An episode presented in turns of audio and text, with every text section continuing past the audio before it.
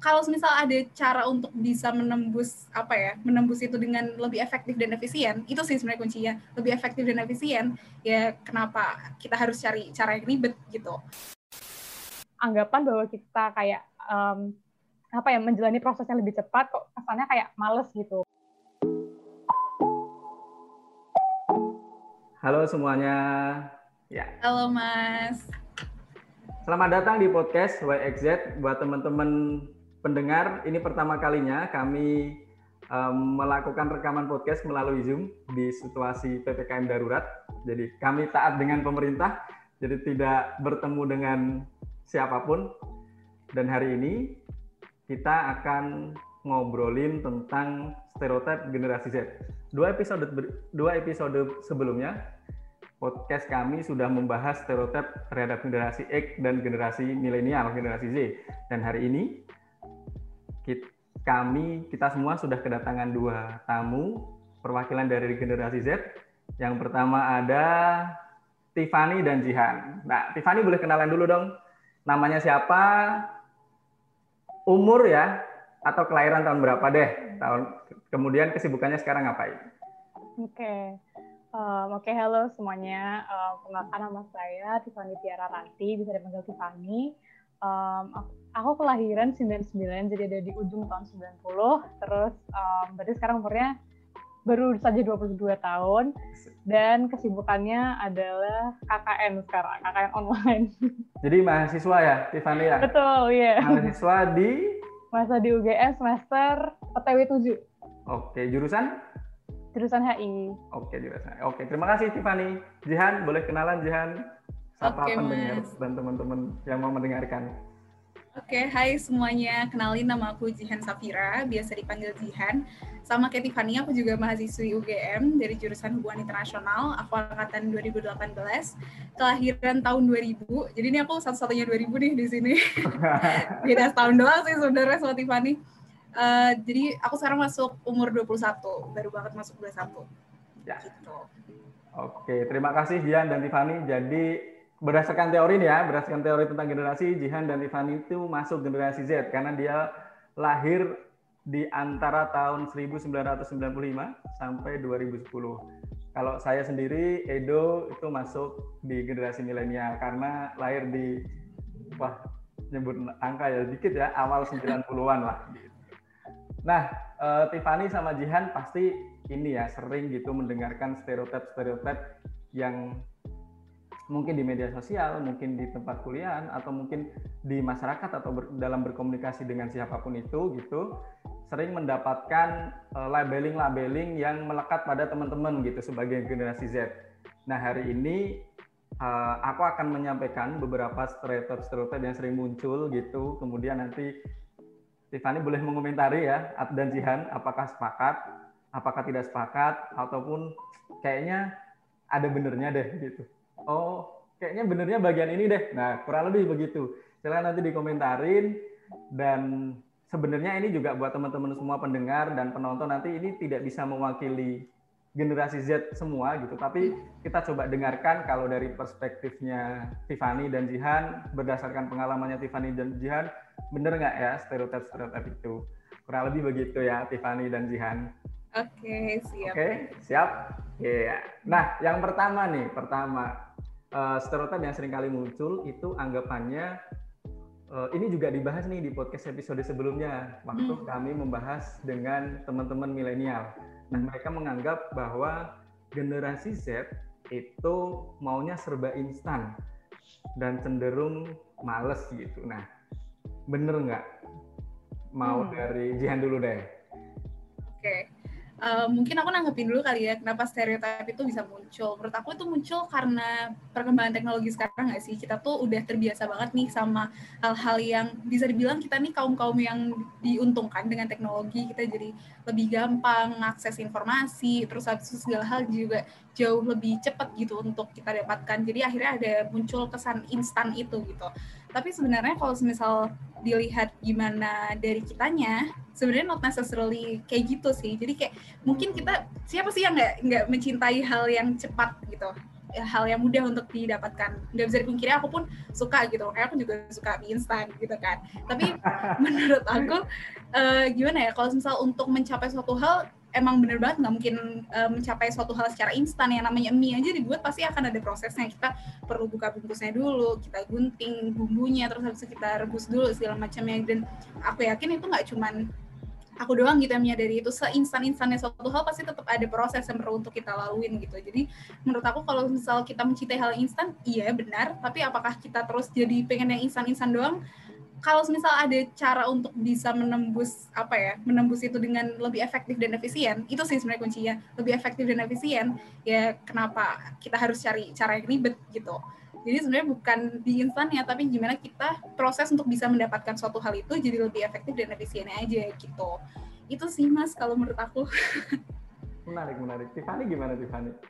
Uh, mungkin iya itu juga. Cuman maksud A, maksud aku tuh kayak gimana ya kalau um, instan itu mungkin lebih kayak misalnya apa ya dalam keseharian kali ya mungkin dalam um, yang sifatnya misalnya mau ngerjain tugas mau apa kita pengennya cepat aja nih yang bisa dicari lewat Google mana nih yang bisa kita cari hmm. informasi secara cepat apa nih kayak gitu kan. Karena ya memang kita harapannya biar cepat beres dengan um, apa ya praktis dengan cepat beres nih pokoknya ini kayak gitu.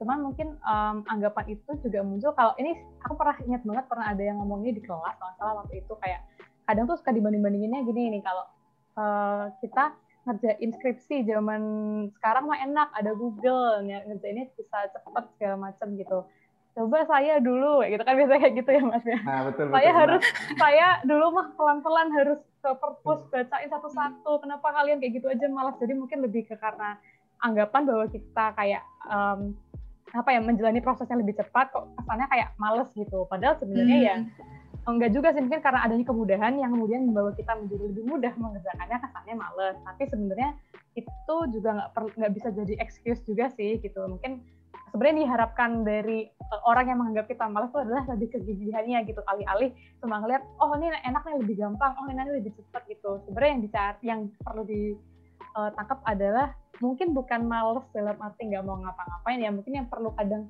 uh, kita itu ditekenin sama generasi atas-atas adalah kegigihannya gitu. Jangan sampai kayak ah habis nyoba satu gagal nggak mau lagi deh gitu. Ini nggak cepat jalannya kayak gitu gitu kan kadang. Nah mungkin itu yang sering di apa ya salah dilabelin. Tapi uh, mungkin tergantung ini ya kali ya tergantung situasi dan kondisi gitu kali ya mas. Mungkin kalau kita kayak bawanya kalau misalnya mau uh, mencapai suatu tujuan mencapai suatu prestasi gitu kalau misalnya nggak uh, berasa sekali kadang udah keburu demot keburu apa gitu. Padahal sebenarnya nggak bisa kayak gitu kayak gitu. Jadi mungkin yang sering dilabelin tuh lebih ke kegigihannya itu yang harus lebih uh gitu. Jangan jangan mau cepet-cepetan nyampe gitu harus ada prosesnya gitu. Iya setuju sih benar. Nah kalau misalnya teman-teman kayak Tiffany dan Jihan gitu misalnya di kelas gitu mendapatkan labeling kayak gitu gitu. Tadi ya yang seperti Tiffany bilang gitu tanggapannya Tiffany gimana sama Jihan misalnya ada dosen nih yang bilang kalian itu sebenarnya enak loh sekarang serba ada dulu tuh ya gitu gitulah. Kalau dulu kan dia tadi ya Tiffany kalau dulu mau bikin skripsi kami harus ke perpustakaan bahkan harus ke perpustakaan kampus lain gitu ke jurusan lain ke fakultas lain gitu. Sedangkan wah kalian mah enak tinggal searching Google semuanya dapat nah kalau misalnya ada orang yang ngomong kayak gitu gitu tanggapannya Tiffany dan Jihan kayak gimana? Ya udah didengerin aja ya. atau coba merefleksikan oh iya ya gitu atau mungkin bener kayak tadi Tiffany, oh iya bener juga ya karena karena mendapatkan uh, kemudahan-kemudahan aku juga harusnya nggak bisa nggak nggak boleh malas nih harus makin gigih atau gimana? Hmm. Uh, aku mau nanggapin ya mas. Jadi ya, silakan. Aku tuh inget tuh omongan itu tuh kebetulan aku ada di kelas yang sama jadi aku iya, kita pada saat iya kita duduk sebelahan terus waktu denger uh, ada yang ngomong gitu tuh yang muncul pertama kali di dalam benak aku di dalam pikiran aku adalah kan masanya udah beda gitu. Kayak kita nggak bisa compare sesuatu yang udah beda masa nih gitu. Prosesnya tuh nggak bisa dikomparasi gitu. Yang namanya hidup kan semakin ke sini akan selalu ada inovasi selalu ada perubahan gitu. Dinamis lah intinya. Tapi terus habis itu kalau misal mau dikomparasikan itu udah nggak relevan lagi karena masanya udah beda situasinya udah udah berubah gitu dan uh, ya untungnya kita nih diuntungkan karena ada kemudahan-kemudahan itu dan benar juga kayak kata Tiffany tadi justru akhirnya dengan kemudahan-kemudahan itu kita tuh harusnya bisa reach lebih lagi gitu loh bukan justru ter terlena dengan kemudahan-kemudahan itu dan akhirnya kita kayak mencapai goal yang sama. Harusnya kalau misalnya ada orang yang ngomong kayak gitu, ya kita jadi kayak koreksi lagi dong. Oh ya, kita berarti sekarang ada di masa yang jauh lebih mudah nih. Harusnya kita bisa reach lebih daripada uh, mereka yang dulu mungkin struggle-nya uh, lebih dari kita gitu untuk bisa mengakses informasi dan lain sebagainya. So the point is bukan di kita nggak mau berjuangnya, tapi prosesnya aja yang sekarang fasenya udah beda. Terus habis itu uh, cara kita mendapatkan suatu hal yang udah beda, mekanismenya juga udah berbeda, fasilitas-fasilitas yang ada juga udah beda. Contohnya aja kayak aku mau berangkat ke kampus, mungkin kok aku uh, kuliah di 10 tahun yang lalu, aku harus nyari bis untuk keluar atau aku harus jalan dari kos ke kampus. Tapi sekarang ada ojek online yang bisa aku dapetin dengan mudah. Terus apakah artinya aku harus disalahkan dan bilang bahwa aku sebenarnya males? Kan aku hanya memanfaatkan teknologi yang ada gitu untuk mempermudah mobilitas aku dan lain sebagainya gitu. Jadi kayak menurut aku uh, ya harusnya dari situ akhirnya kita bisa tahu bahwa sebenarnya inovasi-inovasi yang ada tuh mempermudah bukan bikin kita jadi males dan nggak bisa dikomparasikan juga gitu sih intinya. Yep. Tiffany mau menambahkan? Uh, itu mungkin udah bener sih disampaikan semua deh kayaknya. jadi ini ya uh, nggak nggak jadi nggak perlu membandingkan prosesnya, tapi memang dengan kemudahan-kemudahan itu malah teman-teman harusnya punya reach yang lebih tinggi gitu, punya target yang lebih tinggi gitu dan memang tantangannya bisa jadi lebih ber, berbeda gitu. Meskipun yep. ada kemudahan nih dalam mencari akses informasi kemudian dengan dimudahkan teknologi-teknologi yang ada tapi bisa jadi ya tantangannya bisa berubah. Tantangannya tantangan zamannya gitu tantangannya buat teman-teman itu bisa bisa jauh berbeda gitu dengan teman dengan generasi-generasi sebelumnya.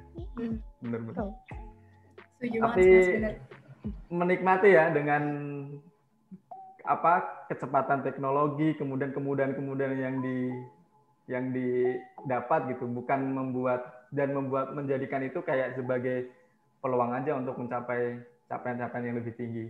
Tapi Jadi, ini ya. sih mah sebenarnya kayak uh, generasi kita ini tuh sebenarnya bukan yang kayak lahir dengan teknologi gitu kan. Kita yang tumbuh hmm. bersama teknologi gitu kan. Karena kita iya. masih ada kan masa-masa di mana kayak download uh, lagu tuh harus pakai Staffa Band, pakai yang yang covernya mas-mas itu gitu mas. Oh iya iya iya, ingat ingat ingat ingat internet itu loh mas, kayak harus harus nyari kayak download MP3 gitu kan masih kita oh, masih iya, iya, iya, iya, masih zaman itu kan masih ngalamin banget ya, ngalamin warnet, warnet, ngalamin kayak billing apa sih billing internet yang digosok-gosok kayak gitu-gitu masih ngawalin hmm. kan gitu. Terus kayak apa zaman ojek juga aku masih ngalamin ojek biasa lah ya. Jadi kayak menurutku se sebenarnya kita masih apa ya dibilang kayak uh, terlalu instan banget ya enggak. Karena kita juga pernah mengalami di masa-masa di mana tanpa adanya keinstanan itu juga gitu. Jadi agak lebih tahu lah struggle-struggle-nya dikit gitu. Nggak purely kayak yang benar-benar misalnya lahir tahun 2000 limaan kali ya 2000 kayak enggak deh itu masih agak awal ya. Mungkin 2009 10 gitu kali ya itu kan kayak bener-bener udah ini banget lah ya. Jadi kayak kalau kita mah masih ngalamin tuh masa-masa pakai CD gitu, komputernya kayak gitu-gitu masih ada lah. Iya, sebenarnya juga nyambung nyambung itu ya, yang positif dari generasi Z gitu kan. Uh, generasi Z itu terkenal cepat dengan perubahan teknologi. Bener kalau kata Tiffany gitu kan. Peru, di awal-awal Tiffany masih me mengalami beberapa hal tadi, tapi sekarang dengan banyak kemudahan-kemudahan, banyak teknologi, dan itu juga uh, buat teman-teman tantangan juga karena harus juga cepat menguasai teknologi yang ada. Bener nggak merasakan itu juga nggak, yeah. Jihan, Tiffany? Jadi iya, kayak yeah, selalu selalu harus belajar dengan teknologi-teknologi yang ada gitu. Iya. Hmm, bener sih, aku setuju banget. Aku ngerasain juga sih mas, uh, maksudnya gimana ya? Dulu waktu aku SD, aku tuh bisa dibilang bukan tipikal anak yang uh, teknologi banget gitu. Aku ngelihat temenku punya HP itu aku kaget, wah keren banget nih anak punya HP kayak gitu. Atau misal dia punya Facebook tuh aku ngerasa, wah ini anak udah gaul banget gitu. Dan akhirnya pada saat itu aku jadi terdorong tuh untuk bisa belajar. At least aku tahu Facebook itu apa fungsinya ngapain cara bikin status Facebook itu gimana. Terus dulu aku heran tuh kok udah ada yang punya Instagram? Instagram ini apaan? Terus akhirnya aku cari tahu kayak oh ternyata Instagram tuh isinya foto-foto ya kok pada estetik gini sih foto-fotonya kayak gitu. Itu uh, apa ya gambaran aku tentang sosial media pada masa itu gitu. Dan akhirnya uh, kayak dengan situasi yang kayak gitu aku tuh jadi terdorong gitu loh untuk bisa mengikuti perkembangan itu. Walaupun aku gimana ya kayak belajarnya tuh aku bahkan dulu zaman-zaman bikin email pakai Yahoo itu tuh nggak bisa bikin sendiri mas aku minta tolong orang warnet untuk bikinin. ya kan? Itu tahun berapa tuh dia Yahoo. Itu aku pertama kali kelas empat. Iya kan 2010 Iya benar, itu 2010 bener-bener. Nah itu, itu aku masih pakai Yahoo dan dibikinin semua orang warnet. Jadi aku nggak langsung tiba-tiba celing bisa menggunakan semua itu gitu. Bahkan sampai sekarang pun aku juga masih mencoba untuk membiasakan diri. Karena apalagi sekarang makin macam-macam lagi tuh platformnya gitu. Jadi masih tetap mencoba untuk membiasakan sih intinya. SD aja udah punya email ya Jihan ya. Iya itu gara-gara kebutuhan Facebook pengen ya, bikin sih? Facebook. Iya. bener banget. Aduh, mana lagi nama Facebooknya zaman itu masih alay-alay lagi. Iya. Nah, nyambung nih buat Jihan sama Tiffany karena ngobrolin medsos. Nah, banyak yang beranggapan bahwa generasi Z itu sangat tergantung dengan medsos. Bener nggak? Hmm, gimana tuh? Seberapa, kalau gini deh, dalam sehari gitu kira-kira eh, kalau bangun tidur apa yang pertama dilakukan? Buka medsos? Iya, Iya, aku iya, iya bener. sih. Iya sih, melek bener, dulu, bener. melek dulu pertama. Iya. Terus Nyari HP gitu. Raba-raba, Iya, mana nih. HP-nya tadi gitu. iya sih. Aku kalau misal dari aku sendiri, aku tipikal orang yang emang cukup intens sih main sosmednya, Eh, Instagram, Twitter, eh, apa namanya TikTok yang sekarang juga aku lagi cukup gandrungi juga gitu. Tapi ya itu tadi sih itu sebenarnya tantangan juga sih mas buat aku untuk me- apa ya, untuk bisa memfilter apa yang aku terima karena aku jujur eh, cukup intens gitu main sosial media. Eh, jadi aku kadang juga struggling juga tuh untuk manage waktu bermain sosial media. Tapi kadang aku juga eh, ada di masa-masa di mana kayak aku merasa diuntungkan juga nih dengan aku eh, aktif di sosial media gitu. Karena aku dapat informasi-informasi baru lebih banyak juga. Dan aku jujur belajar banyak banget juga gitu dari sosial media. Dan eh, kan nggak selamanya sosial media itu isinya cuman kayak stalking eh, selebgram selebgram doang dan lain sebagainya itu kelihatan banget kan maksudnya kayak dari algoritma kita tuh pengaruhnya kayak gimana Nggak kan? ketahuan nih stok siapa gitu. Iya. Nah, eh, itu tuh sebenarnya ti- tinggal tergantung kitanya sih mau memanipulasi algoritma sosial media kita kayak apa dan itu tuh yang aku coba lakuin sih untuk mengatasi eh, apa ya jangan sampai di sosial media itu jadi toxic buat aku. Jadi kayak aku memanipulasi algoritma sosial media aku sendiri gitu. Jadi kayak aku skip skipin nih video yang nggak jelas. Eh, dan akhirnya terbentuk tuh misal aku buka FYP TikTok tuh udah sesuai yang aku harapkan. Misal kayak tips-tips untuk bikin CV terus habis itu untuk isu-isu terbaru yang sekarang lagi dibahas terus habis itu ngomongin tentang stereotip anak Jakarta yang seru-seru kayak gitu yang sekarang muncul di FYP jadi menurut aku kayak ya sosial media tuh mau gimana tergantung kitanya sih yang kelola. Karena sebenarnya bisa banget buat dimanipulasi tuh algoritmanya. Gitu. Tapi benar Jihan merasa sangat tergantung ya dengan medsos gitu ya. sangat ter- iya bisa dibilang sih mas. Kadang sampai ada di titik di mana aku tuh kalau semisal mau di add Instagram tuh aku mikir aduh ntar kalau semisal aku eh, ketinggalan info soal waktu itu aku zaman zaman nyari magang ya. Kalau semisal nih ternyata lagi open magang terus aku miss gimana nih? Gitu. Terus akhirnya aku jadi kayak takut gitu sih Iya, jatuhnya iya. Tiffany gitu juga nggak? Ah, ini saya kebalikannya, saya kebalikannya. justru. Ah. Jadi kebetulan kita punya dua perspektif di sini. Jadi dia ini tipenya yang sangat sangat apa ya sosmed banget anaknya gitu. Jadi kadang saya malah bergudu gitu ke Jian, ini apaan sih? Saya nggak ngerti ini tren apa sih kayak gini gitu. Jadi aku berasa kayak ibu-ibu kadang. Gitu. Cuman karena kalau aku eh, mungkin ketergant eh, gimana ya? Kayak kalau kita familiar dengan sosmed, iya, maksudnya kayak apa ya? Hmm. Dibilang sangat per- apa ya? Ber- apa ber- bergantung ya bisa gitu. Cuman maksudnya kadar ketergantungan itu juga kembali ke masing-masing lah ya. Kayak maksudnya how they value sosmed itu kan masing-masing gitu ya. Yep. karena aku kalau aku tipenya bukan yang kayak gitu gitu. Maksudnya bukan bukan yang apa ya kayak bergantung banget gitu. Kayak maksudnya aku nggak punya TikTok jujur. Terus eh, apalagi ya. Terus jujur aku juga orangnya di Instagram nggak terlalu aktif gitu. Terus eh, apalagi ya di Twitter juga biasa aja. Maksudnya dia di sosmed tuh ya sebatas buat lihat-lihat gitu loh kayak bukan yang itu ngepost. Med medsosnya apa aja Tiffany? cuma tweet Twitter, Facebook Facebook, Instagram, udah itu ya itu aja sih Ah. gitu. dan itu nggak yang frequently aktif gitu kan kadang orang orang yang memang sering konten gitu sering story sering bikin post. Aku bahkan kayak ngepost di Instagram di Instagram yang bener-bener aku ngepost itu 2018 karena aku gak pernah gitu Tapi kalau buka tetap setiap hari. Kalau buka uh, ada masa-masanya sih. Kalau Jihan kan kadang di mikir-mikir nih. Kalau saya tipe yang hmm. orang suka di malah. Ah, gitu. Karena saya kadang ya itu kadang kalau udah terlalu tergantung kayak ah nggak deh saya nggak mau main Instagram dulu gitu buat for the well-being of mental health gitu karena hmm. saya di dulu deh gitu nggak mau terlalu. Jadi memang secara secara sadar membatasi gitu ya Tiffany ya. Hmm, iya dan maksudnya kalau saya tipenya nggak bisa yang kayak cuma jauh aja harus benar-benar itu dihilangkan dari pandangan saya jadi saya nggak tertarik buka itu.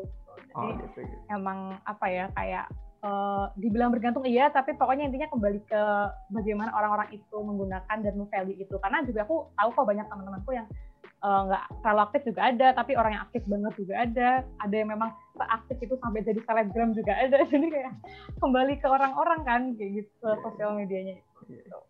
Kalau Tiffany menggunakan medsos untuk apa? Tadi kan punya tiga ya, Instagram, Twitter, Facebook. Hmm. Dipakainya buat apa selama ini?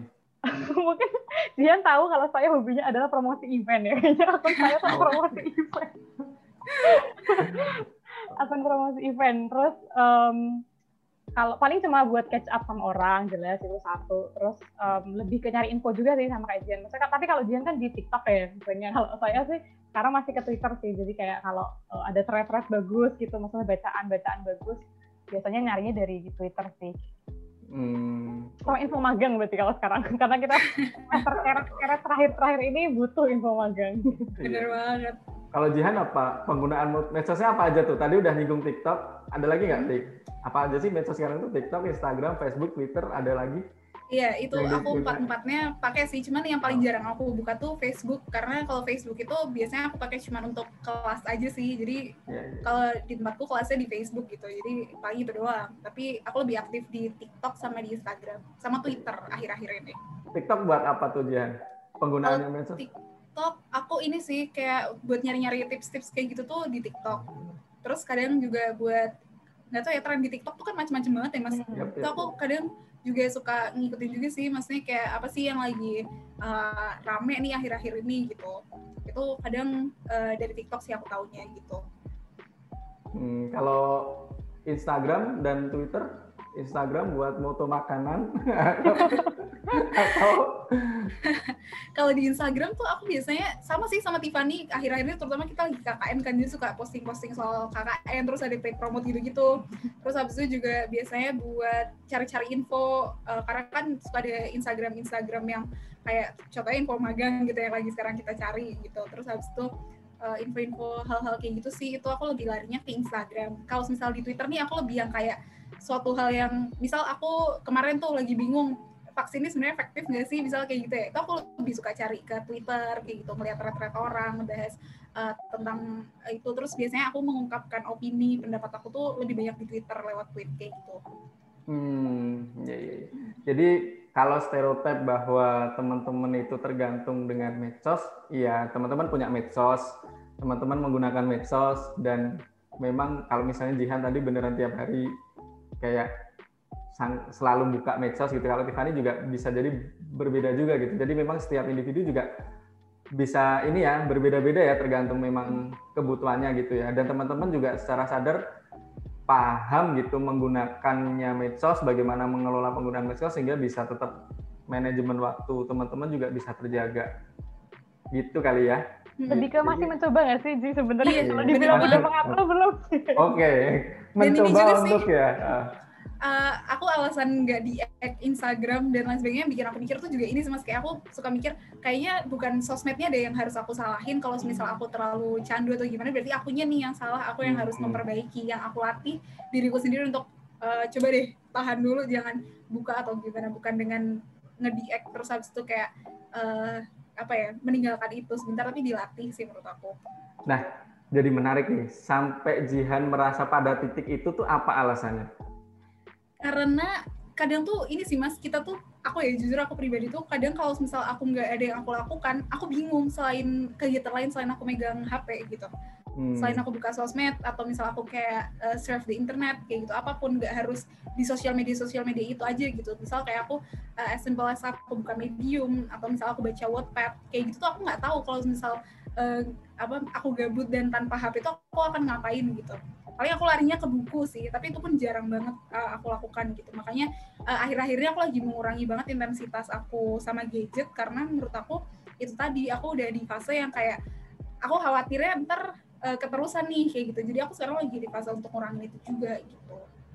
Jadi menarik yang fase ketika Tiffany menyadari bahwa oh ini aku udah khawatir nih kalau misalnya aku nanti keterusan menggunakan medsos gitu sehingga tidak bisa mengontrol apa sih yang membuat itu itu ada kejadian-kejadian atau sudah merasa wah udah banyak tugas nih udah nggak bisa nih kalau misalnya aku medsosan terus atau ada nggak kejadian yang membuat pada akhirnya tuh Jihan atau Tiffany merasa ini udah mulai aku harus mulai mencoba mengatur nih menggunakan medsos Hmm, mungkin ini nih, kayaknya tadi belum sempat disebutin juga. Dan ini kalau ini kalau buatku jadi alasanku untuk ke diet gitu ya.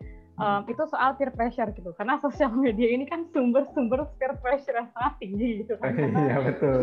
kayak kadang kita nggak mau ngapain terus lihat orang, eh kok dia menang lomba, kok dia ikut ini, kok ikut itu, aku kok tiduran kayak gitu kan biasanya.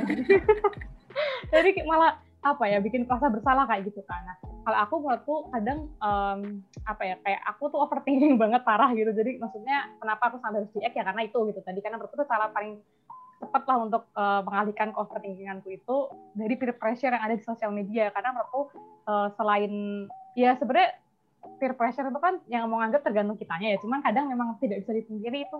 Menurutku uh, cukup tinggi dirasakan di, Gen Z juga gitu kali ya karena uh, perasaan iri gitu iri maksudnya nggak harus iri dalam arti kayak um, iri dia bisa apa atau misalnya dia ikut apa tapi kadang juga dia kok, kok dia udah punya ini ya kok dia udah bahkan kayak kita bercandanya gini nggak sih kayak eh dia kok udah nikah tuh udah punya iya iya bener banget.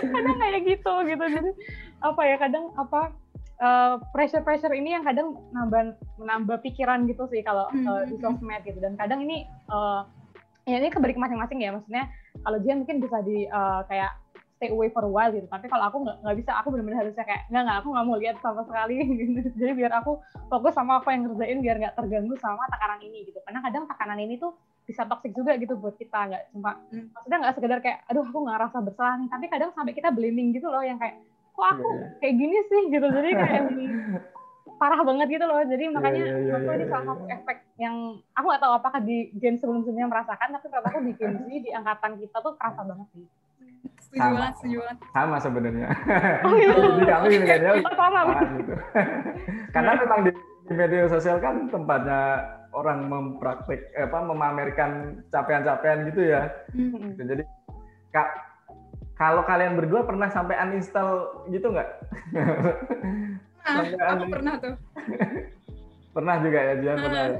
Iya. Kalau kalau aku dulu pernah gitu, cuman setelah kalau sekarang-sekarang mah karena mungkin sudah pada titik bisa mengelola medsos gitu ya, jadi kayak ya ya udah gitu.